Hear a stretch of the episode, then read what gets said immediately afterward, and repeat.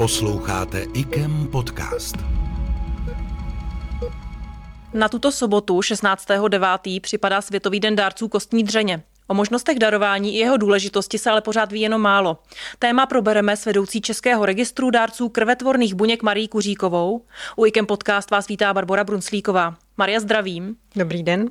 Dnes možná trochu osobněji, protože jsem se na podzim stala mluvčí registru a tak mám ještě v živé paměti eh, spoustu mýtů, nepřesných informací, eh, které jsem sama o darování kostní dřeně měla nebo jsem slyšela. Eh, začneme u toho základního. V tom docela dlouhém názvu našeho registru jsou krvetvorné buňky, ale lajci znají spíš pojem kostní dřeň. Jaký je v tom tedy rozdíl? Tak ehm, rozdíl mm, vlastně pro toho mm, dárce je v, ve způsobu odběru. O tom se ještě budeme bavit. Ale vstup, mm, jako pro to, aby se ten člověk přihlásil do registru, tak v tom rozdíl samozřejmě není a to je to nejdůležitější, aby se nám lidi do registru hlásili, ať se jmenuje registr dárců kostní dřeně nebo krvetvorných buněk. Dobře, a jaký je rozdíl v tom materiálu, když si tak řekneme? Tak ehm, ten materiál jsou buď krvetvorné buňky, které odebíráme eh, z periferní krve po stimulaci eh, a ten odběr probíhá ambulantním způsobem, anebo to, co právě většina lidí zná, tak dnes se už moc neprovádí a to je odběr vlastně kostní dřeně z oblasti pánve, kde je kostní dřeň tekutá. A to je v kosti něco, nebo co ano. to je? Jak si to ano, představit opravdu. Eh, mají lajci? Uh, mají si to lajci představit tak, že je to porovitá hmota uh, v kostech. Uh, morek všichni znají, tak něco podobného, ale vlastně v té oblasti pánve je ta kostní dřeň ještě stále tekutá, takže se dá odebírat takovou velkou injekční stříkačkou, ale ten dárce samozřejmě v tu chvíli nic necítí, protože je pod narkózou. A v té kostní dřeni se tvoří ty krvetvorné buňky, tak. které jsou právě zásadní pro tu léčbu. ano, tak? přesně tak. A ty jsou, jak si je představit, to jsou nějaké kmenové buňky, nebo co to je? A to jsou kmenové buňky krvetvorby, ale v podstatě si to člověk může představit tak, že to je základ pro to, aby se nám tvořily v krvi vlastně všechny krevní elementy, to znamená bílé krvinky, červené krvinky a krevní destičky a bez těch vlastně člověk nemůže přežít, takže opravdu ta kostní dřeň a její správná funkce je pro náš život zásadní. Proč jsou uh, ty krvetvorné buňky vůbec potřeba? Pro jaké pacienty vlastně my je potřebujeme? Tak už jsem to trošku nakouzla. Eh, vlastně pro ty pacienty, kterým se buď tak kostní dřeně eh, nechová tak, jak by se chovat měla, nebo pro ty, kteří teda mají poruchu krvetvorby, a to buď závažnou formu anémie, nebo zejména většinou lidi znají, že je potřeba mm, transplantace pro pacienty, kteří mají leukémii, ale samozřejmě jsou tam ještě i další choroby, jako jsou imunitní poruchy nebo poruchy metabolismu, což je zejména u malých dětí. A to je jediný způsob léčby, který je může zachránit? Je to jeden ze způsobů léčby. Dřív se říkalo, že to je už ten poslední, kdy eh, třeba nezabere chemoterapie nebo jiná léčba. V dnešní době víme, že eh, v určitých, eh, určitých diagnóz nebo v určitých stádiích té choroby je lepší tu transplantaci vlastně předřadit před tu další léčbu, takže těch možností je samozřejmě víc. Jaká jsou kritéria vstupu do registru? E, tak asi na první pohled úplně jednoduchá. Je to věk mezi 18 a 40 lety, včetně to znamená do 41. narozenin a dobrý zdravotní stav. To znamená, že by se člověk neměl s ničím závažným léčit, neměl by brát dlouhodobě žádné léky. Velmi často lidé se ptají, proč nemůžou vstoupit třeba s diabetem, nebo když mají antidepresiva, eh, nebo proč nemůžou vstoupit, když jsou staršího věku. Můžeme eh, těmhle lidem vysvětlit, proč. My potřebujeme opravdu hodně zdravé lidi. Já bych začala tím, proč nemůžeme brát ty starší. Eh, a to je z toho důvodu, že samozřejmě s věkem ten náš organismus stárne, nedá se s tím nic dělat, i když je člověk zdravý, tak ty buňky už jsou tak trošku opotřebované, když to takhle řeknu velmi laicky. Takže takže opravdu eh, pro nás je důležité, aby ten dárce měl z čeho rozdávat a mm, proto je potřeba, aby byl co nejmladší a zdravý.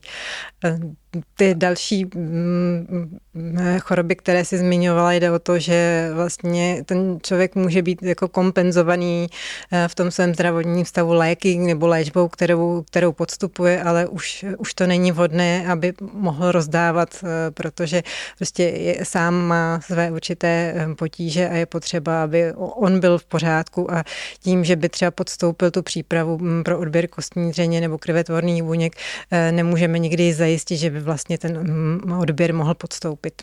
Tam je asi důležité říct, že to je jak v zájmu eh, toho pacienta, který je nemocný, tak v zájmu toho člověka, který by případně daroval, ano. aby se vyvaroval, když není tedy ten zdravotní stav tak dostatečný. Eh, a to je možná ten důvod, proč jsou ty požadavky tak přísné. Přesně tak eh, je potřeba, aby ten člověk opravdu eh, byl připravený na ten odběr, ale eh, aby ten odběr opravdu proběhl, protože v tu chvíli většinou ten pacient už je sám v přípravě na tu transplantaci a pokud by odběr toho dárce neproběhl tak, jak má, tak vlastně ohrožujeme život toho pacienta jak vlastně probíhá ten samotný odběr, co my mluvíme teď o tom, abychom ho nezatěžovali, co se vlastně, co toho dárce čeká v případě, že tedy na něj dojde. Lidé z toho mají strach, eh, že to bolí a podobně, to je trošku mýtus, ale eh, můžeme říct, co ho čeká, když chce vstoupit do registru, eh, teda když chce darovat, opravdu, hmm. když dojde na to darování. A ještě je taky potřeba říct, že ne vždycky dojde na to darování.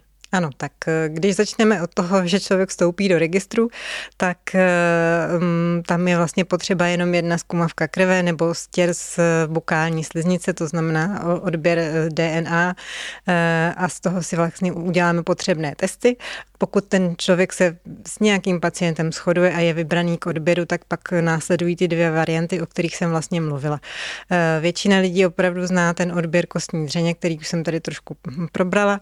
Eh, je to odběr z oblasti pánve, který probíhá v celkové anestezii.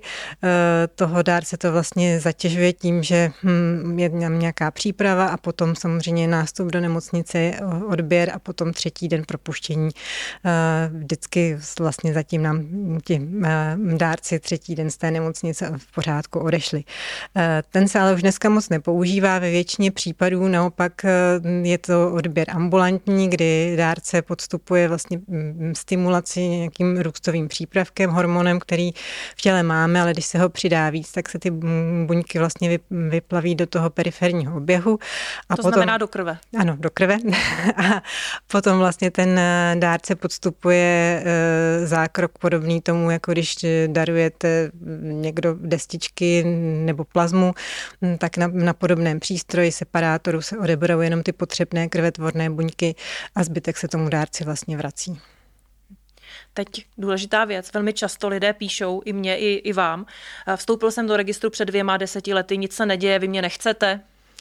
Ano, na to už většinu lidí upozorňujeme samozřejmě u toho vstupu, že opravdu je můžeme zavolat za týden, za, za dva měsíce nebo taky nikdy, protože a právě proto vlastně potřebujeme těch dárců v registru co nejvíc, protože eh, najít eh, někoho je jako hledat jehlu v kupce sena, nebo my říkáme, že hledáme to genetické dvojče, které třeba ten pacient nemá, tak abychom vlastně dosáhli té největší schody a proto je potřeba mít v registru spoustu dárců, protože jenom málo kdo se shoduje s některým pacientem. To znamená, když se zaregistruji, neznamená to jako dárcovství krve, že mi hnedka zavolají, když budou potřebovat moji krevní skupinu, protože krevní skupina přece jenom je trošku snažší najít tu schodu, ale je to opravdu tak, když se najde někdo, kdo je hodně nemocný závažně a lékaři usoudí, že tedy už nemají jinou možnost, než ho transplantovat, dát mu tu transplantaci krvetvorných buněk kostní dřeně, tak potom teprve my vlastně voláme tomu konkrétnímu člověku, u kterého jsme našli tu schodu právě v té krvi nebo v tom stěru z těch slin. Ano, přesně tak jak potom vypadá ta transplantace u toho pacienta. Když tedy jsme mluvili o tom, že tomu člověku odebereme tu kostní dřeň nebo mu odebereme ty krvetvorné buňky, to je takový pitlík vlastně hmm. s krví, to vypadá skoro. No ku podivu pro toho pacienta, ač je to takhle závažná záležitost a v podstatě zlom v jeho životě, který mu může vrátit eh, zdraví a život, tak mm, pro něj to vlastně v tu chvíli nevypadá nějak významně, protože mm, je to přesně tak, jak si říkala, je to v podstatě jakoby pitlík s infuzí, která mu vykape a pak teprve vlastně nastává ta zásadní část eh, pro toho pacienta, jestli se ty krvetvorné buňky nebo ta kostní řeň v tom jeho těle ujmou a začnou fungovat tak, jak mají. Ty krvetvorné buňky mají poměrně zásadní vliv na celou řadu pochodů v těle, eh, řadu věcí v těle. Co se pro příjemce změní? Eh, narážím teď třeba na to, když mají dárce a příjemce rozdílnou krevní skupinu, protože to už eh, není problém. Ano, tak samozřejmě je vždycky lepší, když, když máme dárce a pacienta se, se shodnou krevní skupinou, ale není to to, co je pro nás důležité a to je možná potřeba zdůraznit, protože spousta lidí se nás na to ptá nebo nám říkají, já mám tuhle krevní skupinu, tak asi můžu darovat eh, tomu a tomu. A my je vyvádíme z omilu, že to opravdu není až to mm, nej, nejpodstatnější, že nejpodstatnější je vlastně ta schoda v těch HLA znacích na bílých krvinkách, ale může se právě stát, že eh, pacient eh, od toho svého dárce tu krevní skupinu získá, to znamená, že změní krevní skupinu. Co jsou to ty HLA znaky? To jsou nějaké genetické znaky imunity, které vlastně určují, co ten, co ten člověk je zač? Eh, ano, je to vlastně eh, dědičná informace, kterou mm, půlkou dědíme po mamince, půlkou po tatínkovi. Pak, když se ty znaky skombinují, tak eh, jsou třeba některé řady mm, těch znaků, které jsou běžnější, některé méně běžné. Opravdu záleží třeba na tom, z jakého národa nebo etnika ten pacient či dárce pochází, takže najít tu schodu v těch deseti znacích, které hledáme tedy, tak je velmi náročné. Když to říkáš, tak se divím, že existuje vlastně registr jako like, protože vlastně, kdybych se k tomu tedy vrátila, k tomu svému laickému já, eh, protože vlastně tam by tedy asi znamenalo to, že nejlepší mm, dárce bude pro toho pacienta sourozenec. Ano, ale známe situaci v našich končinách. Eh, většina jako mm, lidí moc těch sourozenců nemá, ale i, i mezi těmi sourozenci pravděpodobnost schody je jedna ku čtyřem, takže člověk potřebuje mít čtyři sourozence, ale stejně ani jeden z nich nemusí být schodný, takže opravdu eh, je potřeba mm, vlastně v dnešní době, kdy už ty rodiny jsou i menší nebo mají lidé různé rodiče, když to tak řeknu, že nemají vždycky oba dva stejné rodiče, tak eh, hledat eh, v rodině je velmi těžké.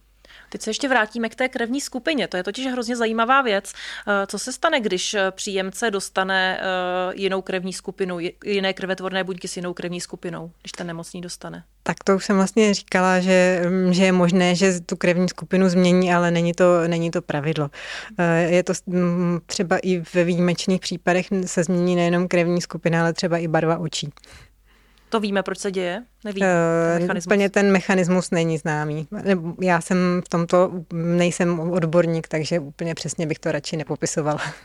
A další věc, na kterou se nás lidé velmi často ptají, a to je, eh, proč neumožňujeme jako registr eh, setkávání dárců a příjemců. Eh, tak eh, registry na to mají pravidla různá a my jsme dospěli k tomu, že eh, je to opravdu velmi náročné a jak pro toho dárce, tak pro toho pacienta uh, chceme zachovat tu možnost uh, jako žít svůj vlastní život bez toho, aby se cítili třeba zavázáni do smrti někomu, kdo jim tedy um, pomohl. A zároveň um, pro toho dárce uh, je to takové, že opravdu pomohl a nemusí se starat o to, jestli a jakým způsobem se ty buňky ujaly. Možná je to i po konzultaci s lékaři? Eh, tak ehm, toto pravidlo v našem registru platí pro všechny, ale dlouho jsme mm, to zvažovali a dospěli jsme vlastně k tomu, že umožňujeme anonymní kontakt, kdy si ten dárce s tím pacientem mohou napsat dopis, poděkování nebo povzbuzení eh, s tím, že tomu dárci řekneme přibližný mm, věk a pohlaví pacienta, aby si dokázal udělat nějakou představu a většinou to těm lidem opravdu stačí. Já jsem vlastně během té eh, krátké doby už byla svědkem případu, kdy ale na, mm, vlastně ten příjemce eh, si to nepřál, že to kontaktování, nebo to byl dárce? Ehm, je, může to být z obou stran. I, I ten dárce vlastně může se vyjádřit tak, že eh, opravdu udělal, co mohl, že rád pomohl, ale tím to pro něj končí a prostě chce svůj život žít dál bez toho, aby se cítil zase nějak jako um, zavá... on není zavázaný, ale že mu není příjemné, kdyby mu jako někdo měl být vděčný. Tak. Možná, že to je právě ten uh, důvod, že tam vlastně by mohlo dojít k velkému zklamání na jedné nebo druhé straně, to je taky asi jeden z těch aspektů. Může proč. být. Většinou z toho, co mám zkušenost třeba ze zahraničí, tak ta setkání jsou jako milá, ale uh, končí to vlastně u toho jednoho setkání. My nevíme, jak, jak se ty vztahy vyvíjejí potom, takže uh, zůstaňme u toho, že uh, oba dva udělali to, co mohli a ta, ten anonymní kontakt nebo to poděkování, myslím si, že stačí. Dobře, tak se radši vrátíme ještě zpátky k tohoto složitého tématu, k tomu eh, vlastně, jak vstoupit do registru a to už jsme řekli, ale eh, bavili jsme se o zdravotním stavu, co ho vylučuje. A teď co dočasné vyloučení z registru? Eh, můžou lidé třeba, nebo měli by lidé, kteří jsou v registru třeba volat v případě, že se změní jejich zdravotní stav, v případě, že jdou na tetování, je to jak, protože třeba darování krve je složité, cestování, co třeba těhotenství, kojení?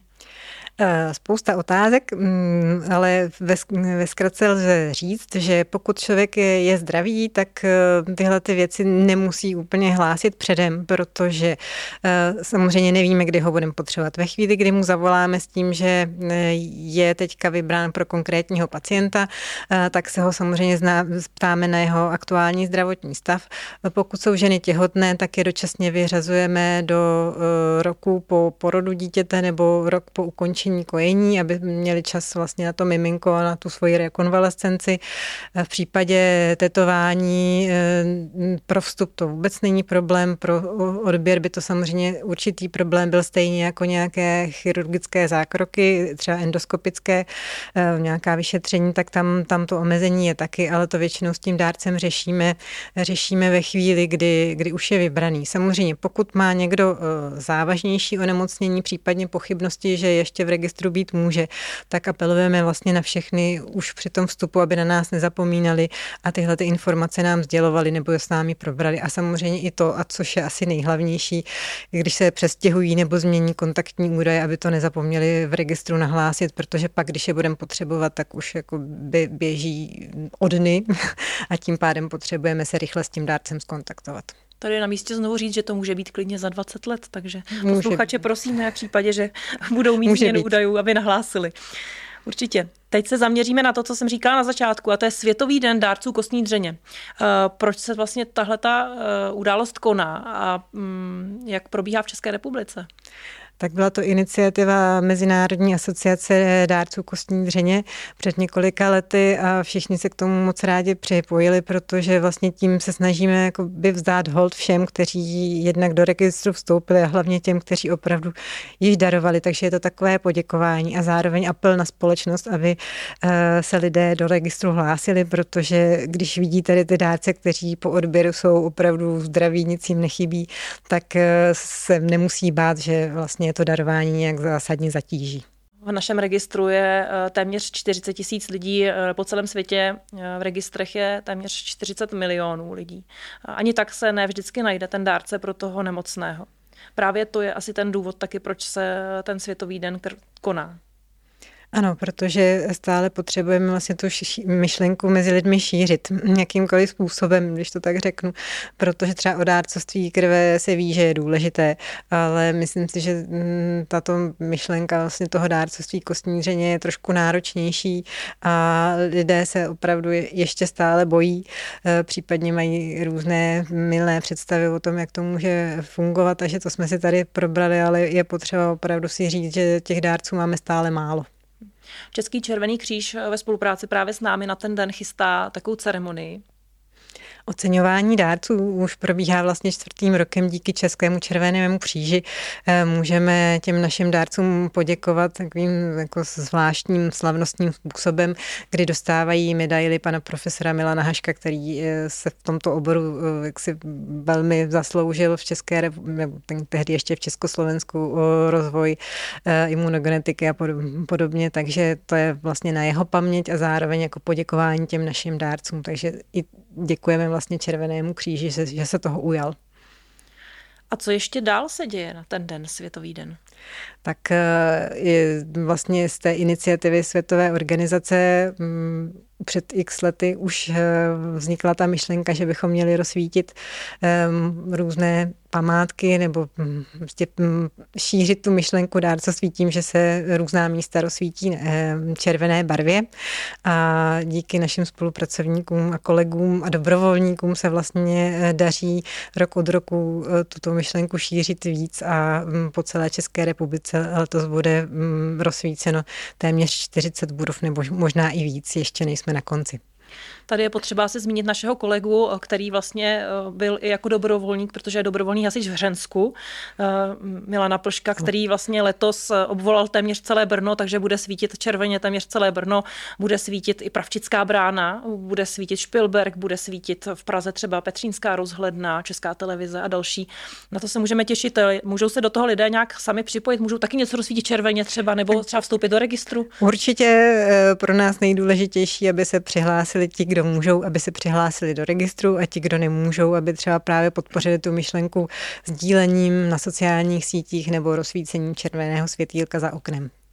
Tady um můžu já si přisadit, eh, řekla bych, hashtagy Daruj život, svítíme červeně, těšíme se na ně.